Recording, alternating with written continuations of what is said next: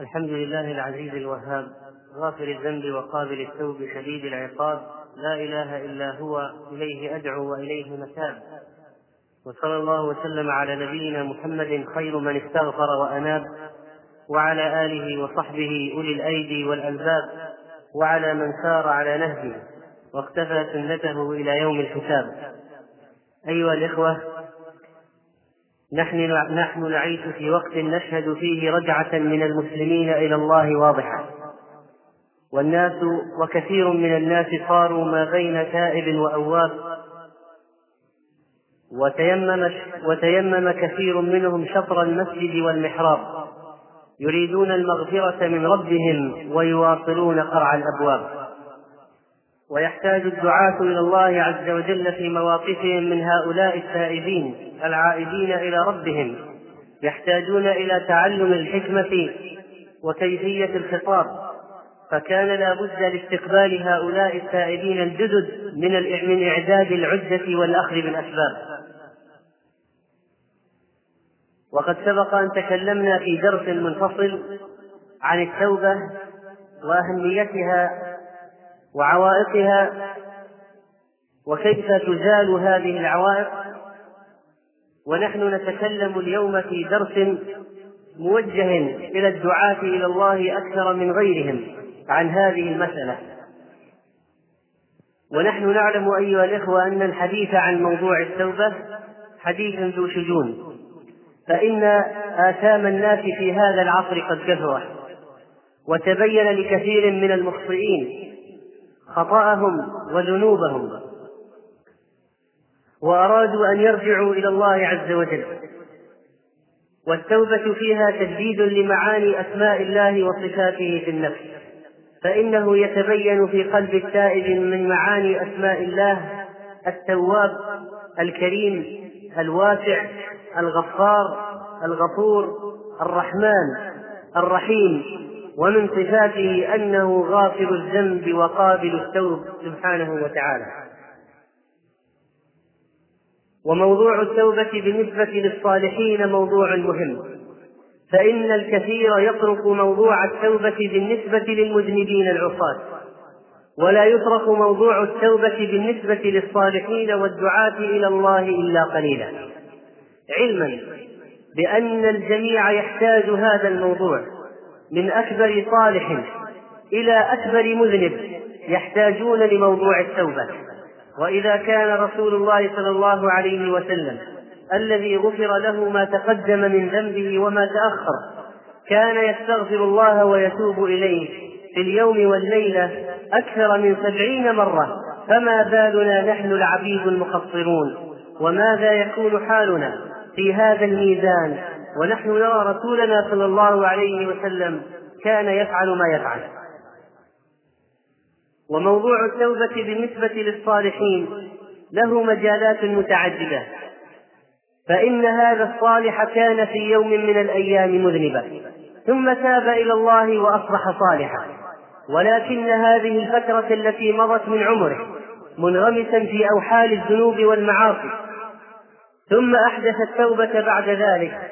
هذه الفترة التي مضت دون توبة عاجلة وتأخرت توبته سنوات ثم صلح حاله بعد ذلك. هذه التوبة تحتاج إلى توبة نحتاج إلى توبة من تأخير التوبة. لأننا في كثير من الأحيان نذنب أو نكون أذنبنا في فترات ماضية ولكن لم نتب إلا بعدها بسنوات. فإذا هذا التأخير الحاصل بالنسبة للتوبة هو ذنب مستقل يحتاج إلى توبة. وكذلك فإن هناك كثيرا من الأمراض التي تنتاب بعض الصالحين مثل غرور العبادة والتألي على الله عز وجل والاستكبار في الأرض ومشاهدة بعض الناس لأعمالهم الصالحة ودخول الرياء على الكثيرين حتى من الصالحين. هذه طائفة من وحب الرئاسة حب الرئاسة وحب الظهور من الأمراض القلبية التي لا يسلم منها إلا النادر من الناس. ولذلك الذي يظن أن موضوع التوبة هو مهم فقط بالنسبة للعصاة المذنبين أرباب الفواحش والمنكرات إنسان مخطئ جدا.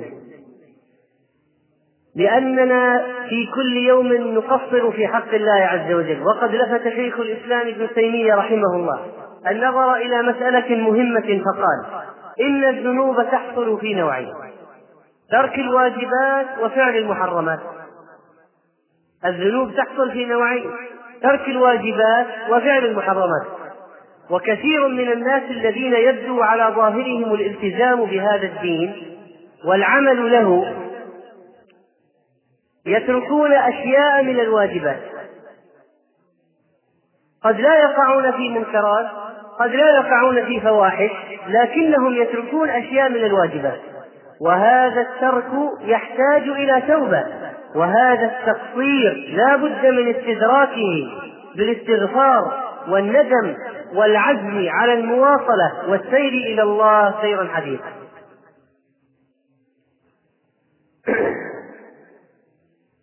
وكثير من الذين يشتغلون بالدعوة إلى الله عز وجل يصابون بآفات وأمراض أثناء سيرهم في الطريق. من أنواع البرود والتقهقر والتراجع وغيبة تخرج مخرج جرح وتعديل ليست عند الله شيئا. وطعن بعضهم في بعض والذي يحصل في قلوب في قلوب بعضهم من الكبر أو التكبر على خلق الله هو في الحقيقة مرض مزمن. وخطير يحتاج إلى توبة. أضف إلى ذلك احتقار بعض الصالحين لبعض المذنبين. والنظر إليهم بعين النقص مع أنهم ربما يكونون في حالة ندم ترتفع معها أعمال قلوبهم في بعض الأحيان لتكون أحسن من أعمال قلوب بعض الصالحين. الذين حصل في نفوسهم هذا الكبر وهذا الغرور وهذا الاحتقار لخلق الله. وسنضرب لذلك أمثلة ونسوق عليها أدلة يتبين فيها حجم هذه المشكلة.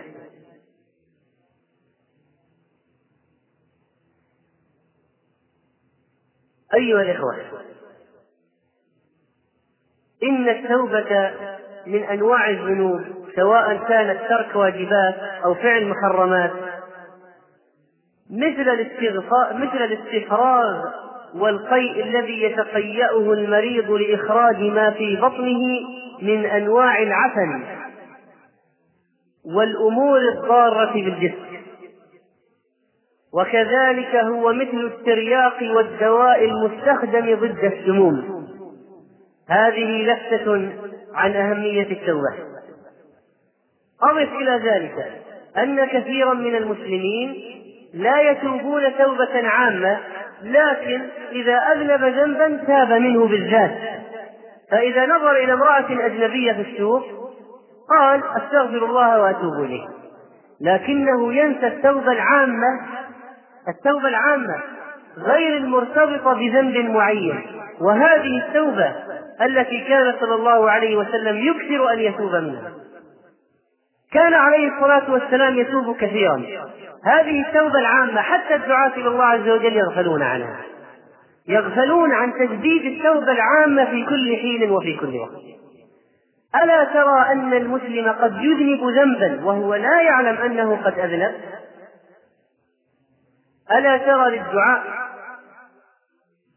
الذي يقول فيه المسلم اللهم إني أستغفرك مما أعلم ومما لا أعلم لأننا في كثير من الأحيان نقع في ذنوب دون أن نشعر أننا قد وقعنا فيها.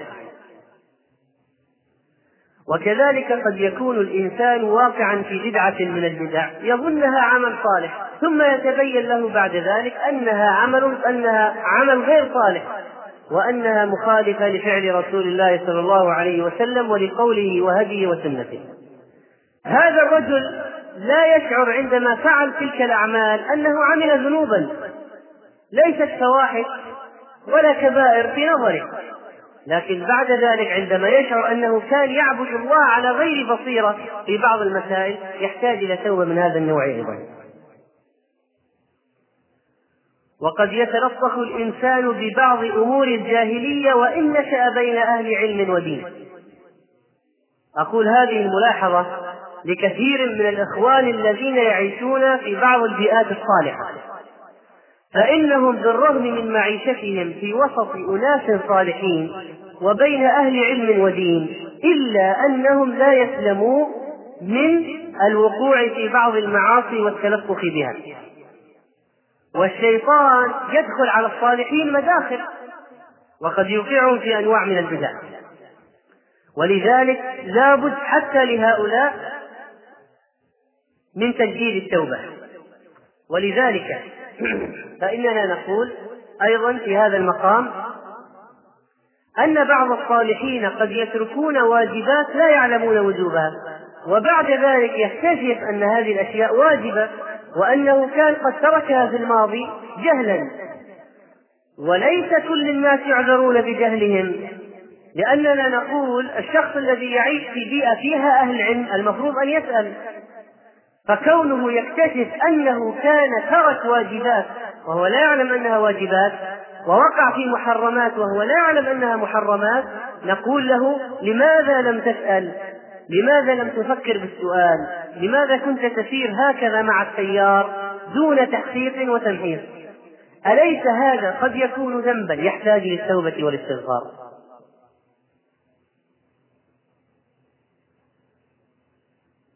واعلموا أيها الإخوة أن المسلم الذي يؤخر التوبة إلى أمد معين هو مصر على الذنب فبعض الناس يقول لو جاء رمضان سأتوب وهو عازم على التوبة في رمضان. هذا الرجل مذنب مصر على الذنب ويطلق عليه أنه مصر على الذنب لأن المفروض المبادرة إلى التوبة. وليس تأخير التوبة إلى أمد معين. كثير من الناس عندهم هذا المبدأ وهذا المفهوم. يؤخرون التوبة من من بعض الذنوب إلى أمد معين. يقول عندما يأتي رمضان سأتوب إن شاء الله توبة كاملة. ويقول بعضهم سأذهب إلى العمرة وأتوب بعد ذلك أن أعمل أي عمل سيء. وبعضهم يقول إلى الحج وبعد الحج سأتوب. هذا لا يدريه أنه سيعيش إلى رمضان أو الحج. هذا أولا. وثانيا لو عاش إلى رمضان أو الحج أليس هذا التأخير الذي تأخره في التوبة؟ أليس هذا ذنبا يستحق التوبة أيضا؟ ولو كان في رمضان وفي الحج.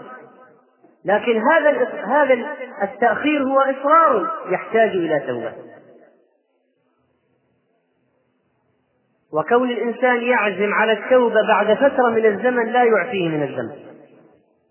ولا ينفعه عند الله عز وجل في هذه النقطة في هذا الموضوع.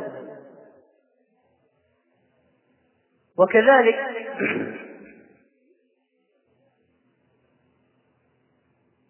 فإن التوبة تحدث في النفس من الآثار الحسنة في قضية الاندفاع نحو الطاعات أمور كثيرة. وتجعل الإنسان المسلم يحس بالتقصير ويحس بأنه دائما لا يفعل لله ما يجب عليه من الحقوق تجاه ربه. وهذا الشخص الذي يستشعر النقص دائما يستمر في الأعمال الصالحة لأنه يعمل لأنه يعلم علم اليقين أن أنه مهما عمل من الأعمال الصالحة فإنه لا يزال مقصرا. ولو أنه فكر في هذه الأعمال الصالحة من الصلوات والزكوات والعبادات وطلب العلم والدعوة إلى الله. لو فكر فيها كلها ثم وزنها ببعض نعم الله عليه مثل السمع والبصر والفؤاد لوجد أنها لا تساوي شيئا. فإذا كان كنا مهما عبدنا الله لن يؤدي حقوق لن يؤدي النعم فقط. فكيف بالواجبات التي أوجبها علينا؟ وبعض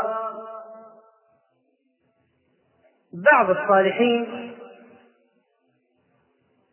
قد يقع في إخطاء في حقوق إخوانه المسلمين أو قراباته أو جيرانه هذا عليه أن لا ينسى الدعاء والاستغفار لهم بظهر الغيب. لأن ذلك يعوض هذا التقصير في الحقوق تجاههم. ونحن بشر لا نسلم من التقصير. قد تكون وأنت تطلب العلم وتدعو إلى الله عز وجل قد تكون قصرت في حقوق أقربائك. قد تكون أخطأت في الموازنة بين الواجبات المترتبة عليك. لذلك يكون الاستغفار ولمن قصرت في حقه من عباد الله والدعاء له من الأشياء التي تنفع في إصلاح ذاك النقص والخلل.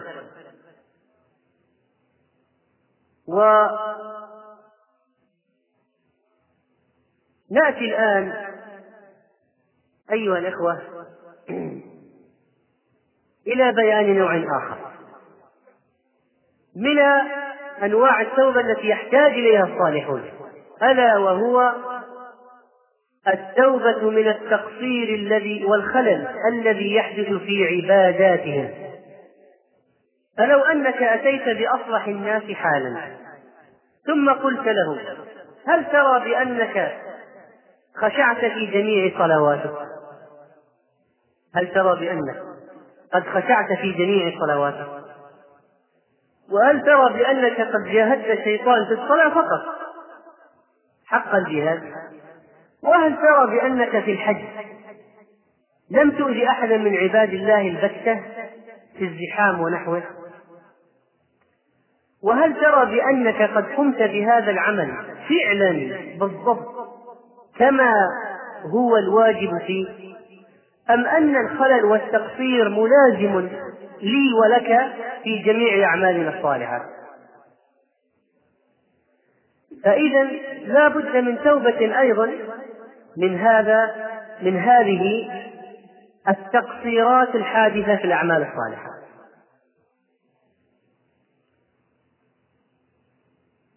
ثم دعونا الآن ندخل في صلب الموضوع وهو استوصوا بالتائبين خيرا. أيها الإخوة نحن الآن كما ذكرنا في وقت تشهد فيه ديار المسلمين ومجتمعات المسلمين ولله الحمد صحوة إسلامية.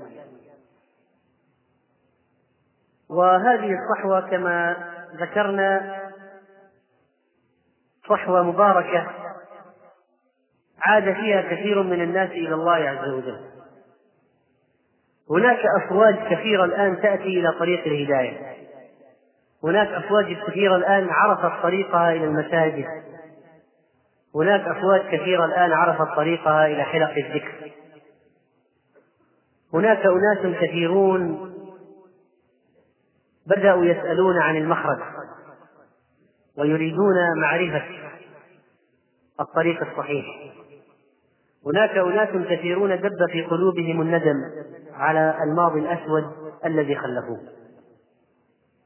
هناك أناس كثيرون شعروا بالإفلاس التام بعد تلك المعاصي الكثيرة التي عملوها وشعروا أنهم أهدروا سنوات طويلة من أعمالهم في لا شيء بل في معصية الله. هؤلاء القادمون إلى الطريق من المفروض أن يستلمهم؟ ومن المفروض أن يأخذ بأيديهم؟ ومن المفروض أن يرشدهم ويعلمهم؟ إنهم الدعاة إلى الله عز وجل. هم الذين تقع على عواتقهم مسؤولية إرشاد هؤلاء التائبين إلى الطريق. استقبال هذه الأفواج واحتوائها في ضمن المجتمعات الإسلامية المصغرة. كل بحسب طاقته وقدرته حتى يقوى عود هذا التائب ويطلب ولا ينكص ويعود. وكثير من الذين انتكسوا كان من أسباب انتكاسهم المواقف الخاطئة لبعض الدعاة. ولذلك يتحمل هؤلاء الذين لا يحسنون استقبال التائبين جزءا من المسؤولية عند الله في انتكاس هؤلاء المنتكسين. ولذلك فإننا نقول الآن ما هو موقع المذنب في المجتمع الإسلامي؟ كيف يجب أن تكون نظرة المسلمين الصالحين في المجتمع الإسلامي إلى أخيهم المسلم المذنب؟ بعض الناس ينظر فيقول ينبغي أن تكون نظرة قاسمة لأن هذا الشخص الذي أذنب ينبغي أن نهجره ونقاطعه ولا نكلمه ولا نزوره ولا نسلم عليه لأنه وقع في ذنب. وهذا الموقف في هذا الزمن بالذات موقف في غاية الخطأ والخطورة لأنك الآن إذا قاطعته وهجرته هذا الهجر غير الشرعي فإن هناك آلافا من شياطين الإنس مستعدين لإيوائه واحتوائه وجلبه إليهم. كعب بن مالك رضي الله عنه لما أخطأ وترك الخروج مع الرسول صلى الله عليه وسلم للجهاد في مجتمع إسلامي الهجر فيه مفيد. قاطعه الرسول صلى الله عليه وسلم وأمر الصحابة بمقاطعته. ماذا فعل ملك غسان الكافر؟ ملك غسان الكافر. غساسنة اصطادوا الخبر فورا وأرادوا انتهازه. فكتب الملك غسان إلى فرد مسلم في المدينة رسالة فجاء بها نبطي من أنباط الشام فدخل المدينة. فدخل السوق يسأل عن كعب بن مالك. أين كعب بن مالك؟ فطفق الناس يشيرون إلي يقول كعب. فأتاه قال فدفع إلي رسالة من ملك غسان يقول فيها قد سمعنا أن صاحبك قد جفاك. ولم يجعلك الله بدار هوان ولا مضيعة فالحق بنا نوافك لقد سمعنا أن صاحبك يعني الرسول صلى الله عليه وسلم قد جفاك. ولم يجعلك الله بدار هوان ولا مضيعة فالحق بنا نوافك هذا موقف خطير جدا. ملك الكفار مهتم بموضوع واحد في المجتمع الإسلامي لأن كيد أهل الباطل لأهل الإسلام لا يتوقف. ولذلك فهم يحاولون الاصطياد في الماء العكر دائما وأي واحد يأنس فيه ضعفا من الدعاة من الصالحين يحاولون فورا التقاطه وجذبه إليهم. طبعا كعب بن مالك رضي الله عنه صحابي جليل فقيه آه، يعلم تماما بمؤامرات أعداء الإسلام ويعلم أن هذه محنة وابتلاء فصمد.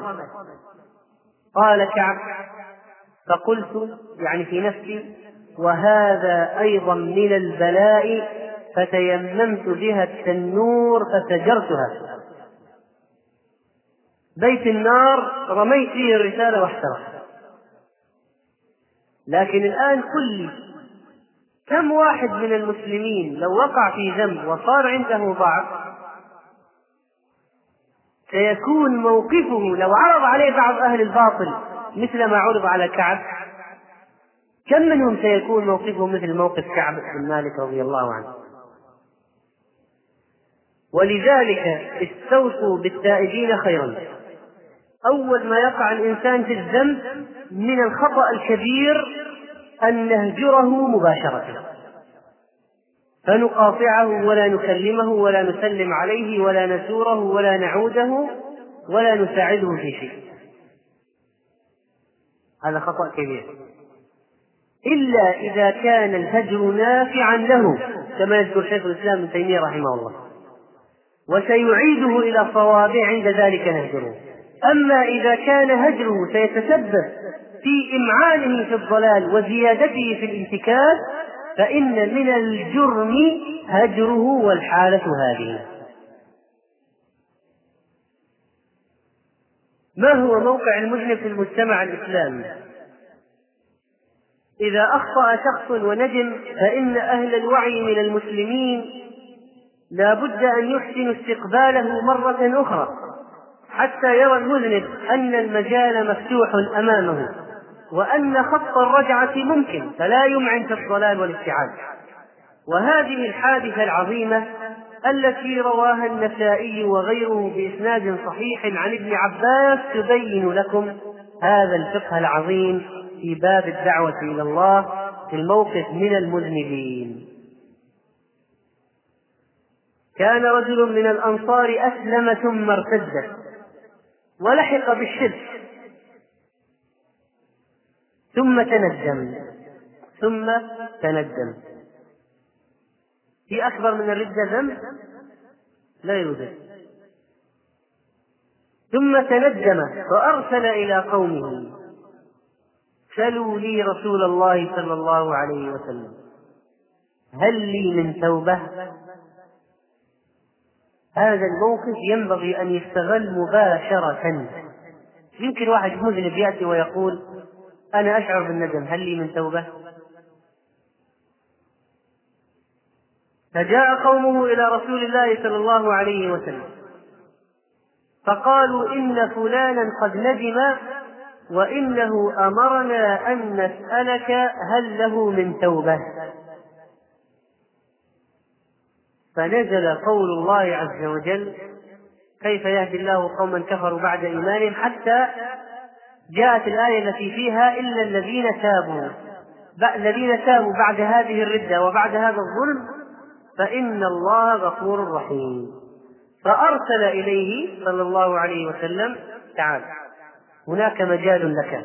فجاء فأسلم مرة أخرى. ما هو المطلوب؟ المطلوب أن يعود الشخص إلى الصراط المستقيم. هذا المطلوب. حادثة أخرى تبين لنا الموقف. رجل من المسلمين شرب الخمر.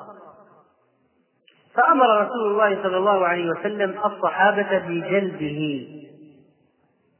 قال أبو هريرة فمنا الضارب بنعله ومنا الضارب بثوبه. أمرهم أن يجلدوه فقال واحد من المسلمين قاتلك الله. يقول لهذا قاتلك الله أمام الناس. قاتلك الله. أو أخزاك الله. أخزاك الله. فقال الرسول صلى الله عليه وسلم لا تكونوا عون الشيطان على أخيكم. لا تكونوا عون الشيطان على أخيكم. واحد أمسك به ارتكب ذنب. أقيم عليه الحج. ما هو الحج؟ ما هو الحج؟ نعم. نعم. إطافة. كفارة للذنب. من أقيم عليه الحج في الدنيا وتاب فإن هذا الحج كفارة للذنب. فما هو الداعي أن نقول يقال لمثل هذا الشخص أخزاك الله؟ ليش؟ هذا غلط. ولذلك قال لا تكونوا عون الشيطان على أخيه طبقوا الحد يجلد لكن لكن لا يدعى عليه. لا يقال له أخزاك الله. فإن قلت له ذلك فقد أعنت الشيطان عليه. وبدأ يكره هؤلاء الناس الذين يقولون له مثل هذه الكلمات. قصة أخرى. أخرج أحمد والبيهقي عن أبي ماجدة قال كنت قاعدا مع عبد الله بن مسعود. فقال عبد الله بن مسعود إني لأذكر أول رجل قطعه رسول الله صلى الله عليه وسلم. يعني حد السرقة. قطع يده. أتي بسارق فأمر بقطعه. خلاص بلغ الحد الرسول صلى الله عليه وسلم أمر بقطع يد السارق. فكأنما أسف وجه رسول الله صلى الله عليه وسلم. لما قطعت يده الصحابة لاحظوا في وجه الرسول صلى الله عليه وسلم كأنه يعني أسف في علامات تأسف على ما عصى فقالوا يا رسول الله كأنك كرهت قطعه. قال وما يمنعني؟ لماذا لا أكره قطعه؟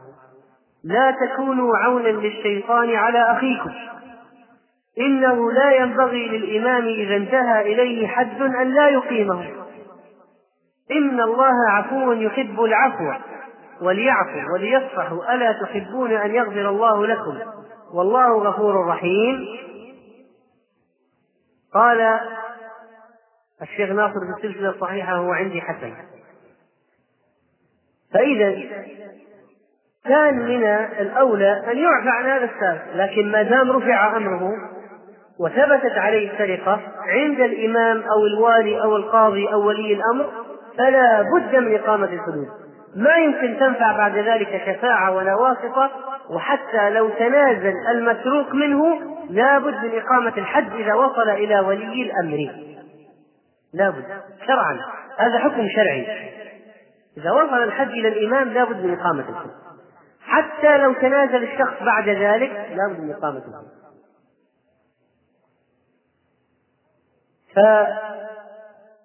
فهذا كأن الرسول صلى الله عليه وسلم يقول لو أن هذا الشخص ما ما أتي به إلي ما بلغتني القضية سامحه الناس الذين سرق منهم.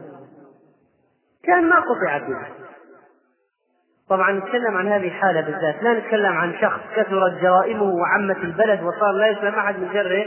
لا هذا قد يكون قطع يده عبء إصلاح له. وهناك أيضا حادثة أخرى من السيرة تبين كيف كان المذنب يستقبل في المجتمع الإسلامي الأول. عن عائشة رضي الله عنها زوج النبي صلى الله عليه وسلم زوج النبي صلى الله عليه وسلم قالت أن قريشا أهمهم شأن المرأة المخزومية التي تركت في عهد النبي صلى الله عليه وسلم في غزوة الفتح. فقالوا من يكلم فيها رسول الله صلى الله عليه وسلم؟ هذه امرأة شريفة في القوم لها مكانة من بني مخزوم. هذه يحكم عليها بقطع يدها هذه مشكلة عندهم. قالوا من يتوسط فيها؟ من يكلم لنا رسول الله صلى الله عليه وسلم؟ فقالوا ومن يجترئ عليه إلا أسامة بن زيد؟ حب رسول الله صلى الله عليه وسلم. ما في أحد أبدا إلا أسامة. أسامة أقرب الناس الرسول صلى الله عليه وسلم يحبه جدا هذا موضوع خطير وحساس لا يمكن يتكلم فيه إلا أسامة. أتى كلموا أسامة توسط لنا عند رسول الله. فأتي بها رسول الله صلى الله عليه وسلم بالمرأة. فكلمه فيها أسامة بن زيد. فتلون وجه رسول الله صلى الله عليه وسلم. تلون. من الغضب وقال أتشفع في حد من حدود الله؟ أتشفع في حد من حدود الله؟ فقال أسامة وشعر بالذنب الشديد استغفر لي يا رسول الله. استغفر لي على هذه الجرأة أني تجرأت. أتوسط لأحد في في حد من الحدود. ما تجوز الوساطة في الحدود نهائيا. ومن أكبر الجرائم إخراج شخص قد حكم عليه بحد وبلغ الإمام فمن يتوسط له يبوء بإثم عظيم عند الله. لا بد من إقامة الحد فلما كان العشي قام رسول الله صلى الله عليه وسلم خطيبا فقال فاختطب فأثنى على الله تعالى بما هو أهله. ثم قال أما بعد فإنما هلك الذين من قبلكم أنهم كانوا إذا سرق فيهم الشريف تركوه وإذا سرق فيهم الضعيف أقاموا عليه الحد وإني والذي نفسي بيده. لو أن فاطمة بنت محمد سرقت لقطعت يدها. ثم أمر بتلك المرأة التي سرقت فقطعت يدها. أمام الناس. هذه قصة معروفة للجميع. لكن الشيء الذي يجهله الكثير من آه الناس تكملة القصة. قصة في صحيح مسلم. تكملة القصة. قالت عائشة فحسنت توبتها بعد هذه المرأة السارقة تابت إلى الله وحسنت توبتها بعد ذلك. وتزوجت وكانت تأتيني بعد ذلك. فأرفع حاجتها إلى رسول الله صلى الله عليه وسلم. هذه عبارات عظيمة جدا ينبغي أن نقف عندها. يعني هذه المرأة إذا السارقة لما تابت لم تصبح منبوذة. لم ينظر الناس إليها بعين السخط والازدراء على ما وقع منها من ذنب وأقيم عليها حده. لقد وجدت لها مكانا في المجتمع الإسلامي. لقد وجدت من يتزوجها. لقد كانت تأتي إلى عائشة وعائشة تفتح لها البيت وتستقبلها. بل لقد كانت حاجتها ترفع إلى رسول الله صلى الله عليه وسلم وهو قائد الأمة قائد الأمة أعلى رجل في الدولة الإسلامية. حاجة هذه المرأة السارقة كانت التي سرقت من قبل ثم تابت كانت ترفع حاجتها إلى قائد الدولة الإسلامية الرسول صلى الله عليه وسلم. إذا هذا الاستقبال الحسن هو الذي يجعل التائب يواصل بالتوبة. عندما يشعر أن له مكان أن الاستقبال حسن فإنه يواصل بالتوبة. لكن الآن مع الأسف في كثير من الأحيان لا يحسن استقبال التائبين وينظر إليهم بعض الناس بعين الازدراء والاحتقار والنقص لأنه كان صاحب سجل في الماضي فيرى نفسه منتقص. يقول لا أرجع إلى الناس الذين كنت معهم في الماضي أحسن. أعيش بين الناس ينظرون إلي بهذه النظرة لماذا؟ وهذا السوء في الاستقبال يتحمل اسم نكوص الشخص هذا الذي تاب ثم نظر إليه بهذه النظرة ولم يفتح المجال يتحمل شيء من إثم هؤلاء الذين لم يحسنوا استقبالهم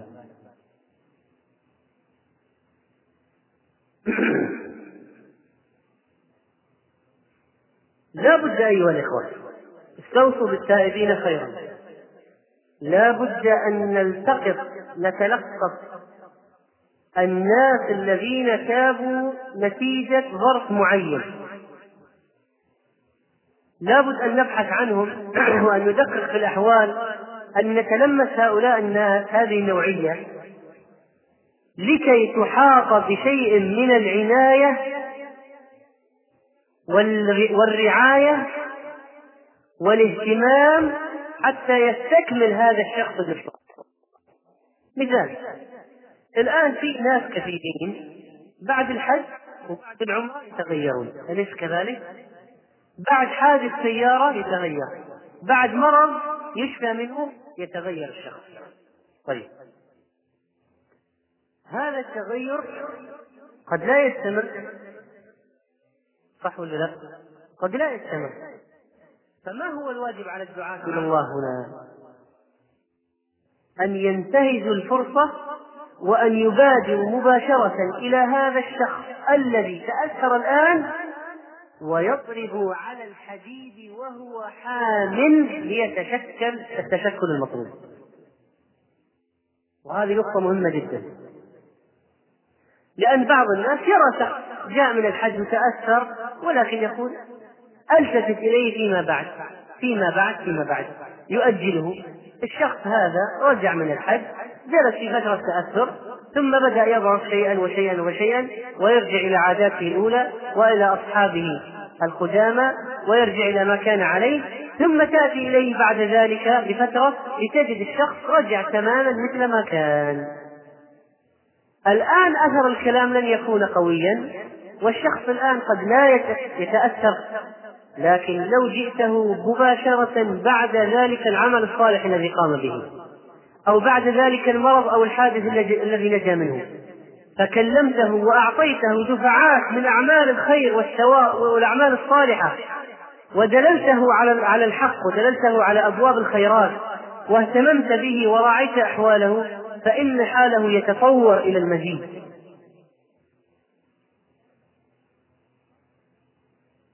فلا بد أن يتلقف مثل هذا الشخص ويحاط بمجموعة من أهل الخير ويدخل في وسط طيب ويصبح أصحابه من أهل الخير ويصبح الرجل يشترك ويأتي في المناسبات الطيبة التي تحفظ عليه الإيمان الذي اكتسبه من هذه الحادثة أو من هذا العمل الصالح الذي قام به.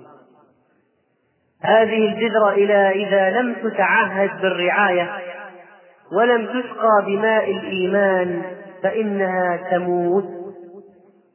ومن المسؤول؟ بالإضافة للشخص نفسه طبعا المسؤول الداعية المقصر الذي لم يلتفت إليه أيضا وضيع الفرصة.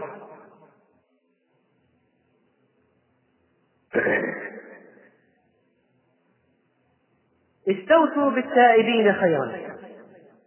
هؤلاء التائبون الذين قدموا إلى طريق التوبة وهم يشعرون بغاية الندم والأسى والأسف والحزن على ما مضى. الجلوس معهم أيها الإخوة يزيد الإيمان. جرب هذا. جرب الآن اجلس مع شخص تاب الآن الآن تاب في هذه الأيام تاب. اجلس معه سيزيد إيمانك فعلا. ولو كنت أنت اهتديت قبله بسنوات طويلة ولكن الواحد يصيب من البرود عبر الزمن حتى الأشخاص الصالحين. إذا جلست مع هؤلاء التائبين الجدد ستشعر بزيادة في الإيمان. لأنه شخص مقبل على الله يشعر بالندم يشعر بالأسف. يريد الازدياد من الأعمال الصالحة ولذلك بعضهم يجرؤ على أعمال صالحة ويستطيعها أو يقبل عليها ما لا يقبل عليه شخص صالح سار في الطريق لسنوات طويلة. لأنه رجل الآن جاء متحمسا لاستدراك ما فات. لأنه شخص الآن يشعر أنه لابد من فعل الحسنات لتمحو السيئات الماضية لأنه شخص يشعر الآن أنه لابد أن يفعل طاعات كثيرة لتدارك ما فاته من التقصير في حق ربه. ولذلك تجد واحد يقول قد تسمع يقول أريد أذهب أعتمر، أريد أن أحج، أريد أن أعتكف، أريد أن أصوم، أنا أصوم الاثنين والخميس، أنا أصوم يوم إيه يوم وأترك يوم، أنا يفعل أشياء كثيرة جدا. قد يقرأ القرآن كثيرا. قد يبكي من خشية الله. ربما لو جعلت تائبا الآن تائب الآن أن هذه المرحلة الجديدة من حياته وضعته إماما للناس لوجدت أن القلوب تخشع وراءه في الصلاة وهو يتلو القرآن. ما لا تخشع وراء رجل سار لسنوات في طريق الهداية في بعض الأحيان. لأن هذه النفسية المقبلة على الله هذه النفسية التي تحس التي تحس بما أجرمت في الماضي هذه مشحونة مشحونة مشحونة بالإيمان الآن.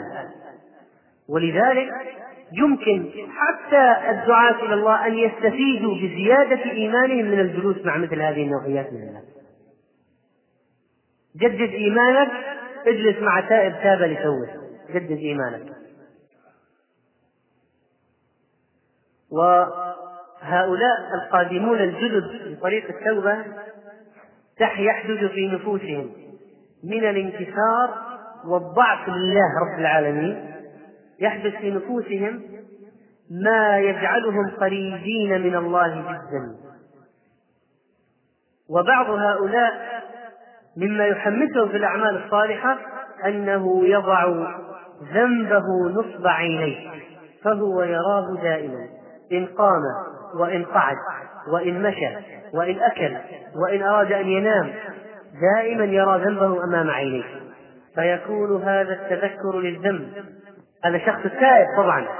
يكون هذا الذنب الذي ارتكبه دافعا في قلبه ليحيي في هذا القلب الخوف من الله والحياء منه والانطراح بين يديه والانكسار ومطأطأة الرأس.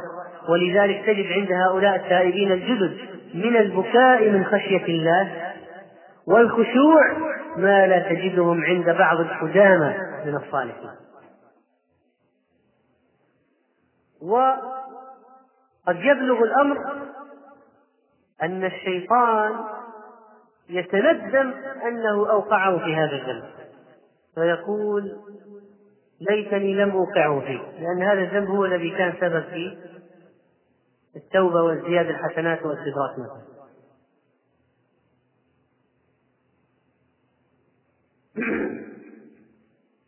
أضف إلى ذلك أنك تجد عند هؤلاء من الهمة في الأعمال الصالحة ما لا تجده عند شخص سار في طريق العبادة سنوات.